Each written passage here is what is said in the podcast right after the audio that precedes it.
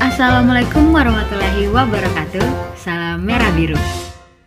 Himpunan Mahasiswa Komunikasi Universitas Muslim Indonesia melalui dimensi komunikasi FOL ke-7 mempersembahkan seminar nasional Creative Industry The Existence of Education in Creative Industry para muda menghadirkan Ismail Bahtiar yang merupakan anggota DPRD Provinsi Sulawesi Selatan, founder Rektor Institute juga ada Alfi Ref ini sinematografer dan juga music producer. Event ini bakalan dilaksanakan di tanggal 12 Desember 2019 di Auditorium Aljibra Universitas Muslim Indonesia.